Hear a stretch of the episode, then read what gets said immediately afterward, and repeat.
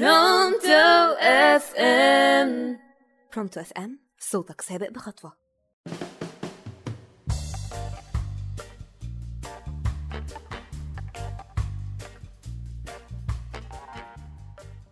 يا مساء الخير على أحلى ناس في الدنيا. أتمنى تكونوا بخير ومبسوطين. ويومكم حلو ودايما غزالتكم رايقة.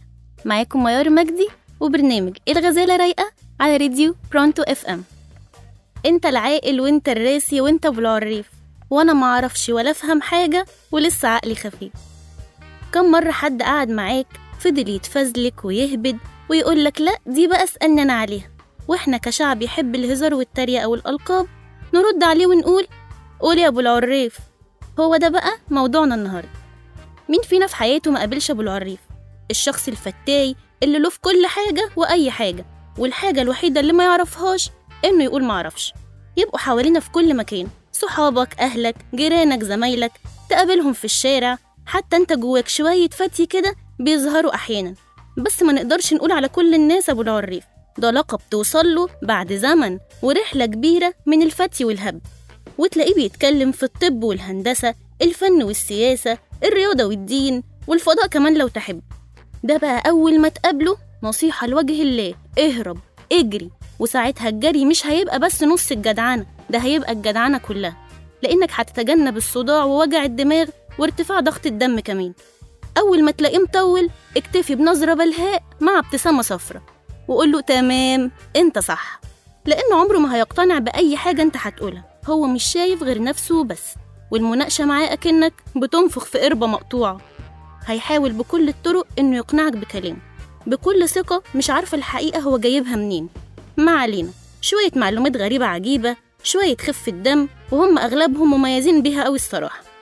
مشكلة شخصية أبو العريف إنه مش بس بيأذي نفسه بجهله لأ ده كمان بيأذي اللي حواليه. مرة وصفة طبية غريبة معلومة تودي في داهية يوصف لك طريق بالغلط ويضيع لك وقت. بعد جملته الشهيرة هو قالك فين؟ يا عم هي ناقصك. المهم ما يقولش معرفش هيأذيك ويلبسك طول ما انت مش مركز وراميله ودنك. لأنك لما تطلب النصيحة من حد مش أهل خبرة وغير موثوق فيه بتكون غالبا بتتعلق بقشاية تقولك حل مشكلتك أو حاجة توصلك للي انت عايزه. وما تزعلش ساعتها وانت لابس في أكبر حيط. حتى الأطفال دلوقتي بيعلموهم في المدارس اسأل جوجل. في رأيي الشخصي ورأي ناس كتير إن الشخص ده بيكون نوعين. يا إما بيكون شخص ناقص وبجح ومدعي اللي هو بيفرض كلامه ورأيه بأفورة بمناسبة ومن غير مناسبة ويضيع وقتك ده بقى تصده من الأول وتتجنب النقاش معاه تماما. لو صمم لازم تحرجه وتوصل له إنه مش فاهم حاجة. أما النوع التاني ده ناقص بس غلبان. على الله يعني. هو لا كاريزما ولا بيعرف يتكلم بس بيعوض ده إنه يعمل أبو المفهومية. ده ممكن نسايره شوية بس بحدود. طالما هو مش بيأذيني ممكن تديله شوية ثقة في نفسه وبلاش نكسفه. وعلى رأي المثل أحفر نفق بمسمار ولا تجادل واحد حمار. أسيبكم بقى تروحوا تعملوا حاجة تبسطكم وتروق الغزالة. وأقابلكم على خير وسعادة الحلقة الجاية من الغزالة رايقة مع ميار مجدي على راديو برونتو إف إم. هتوحشوني. باي.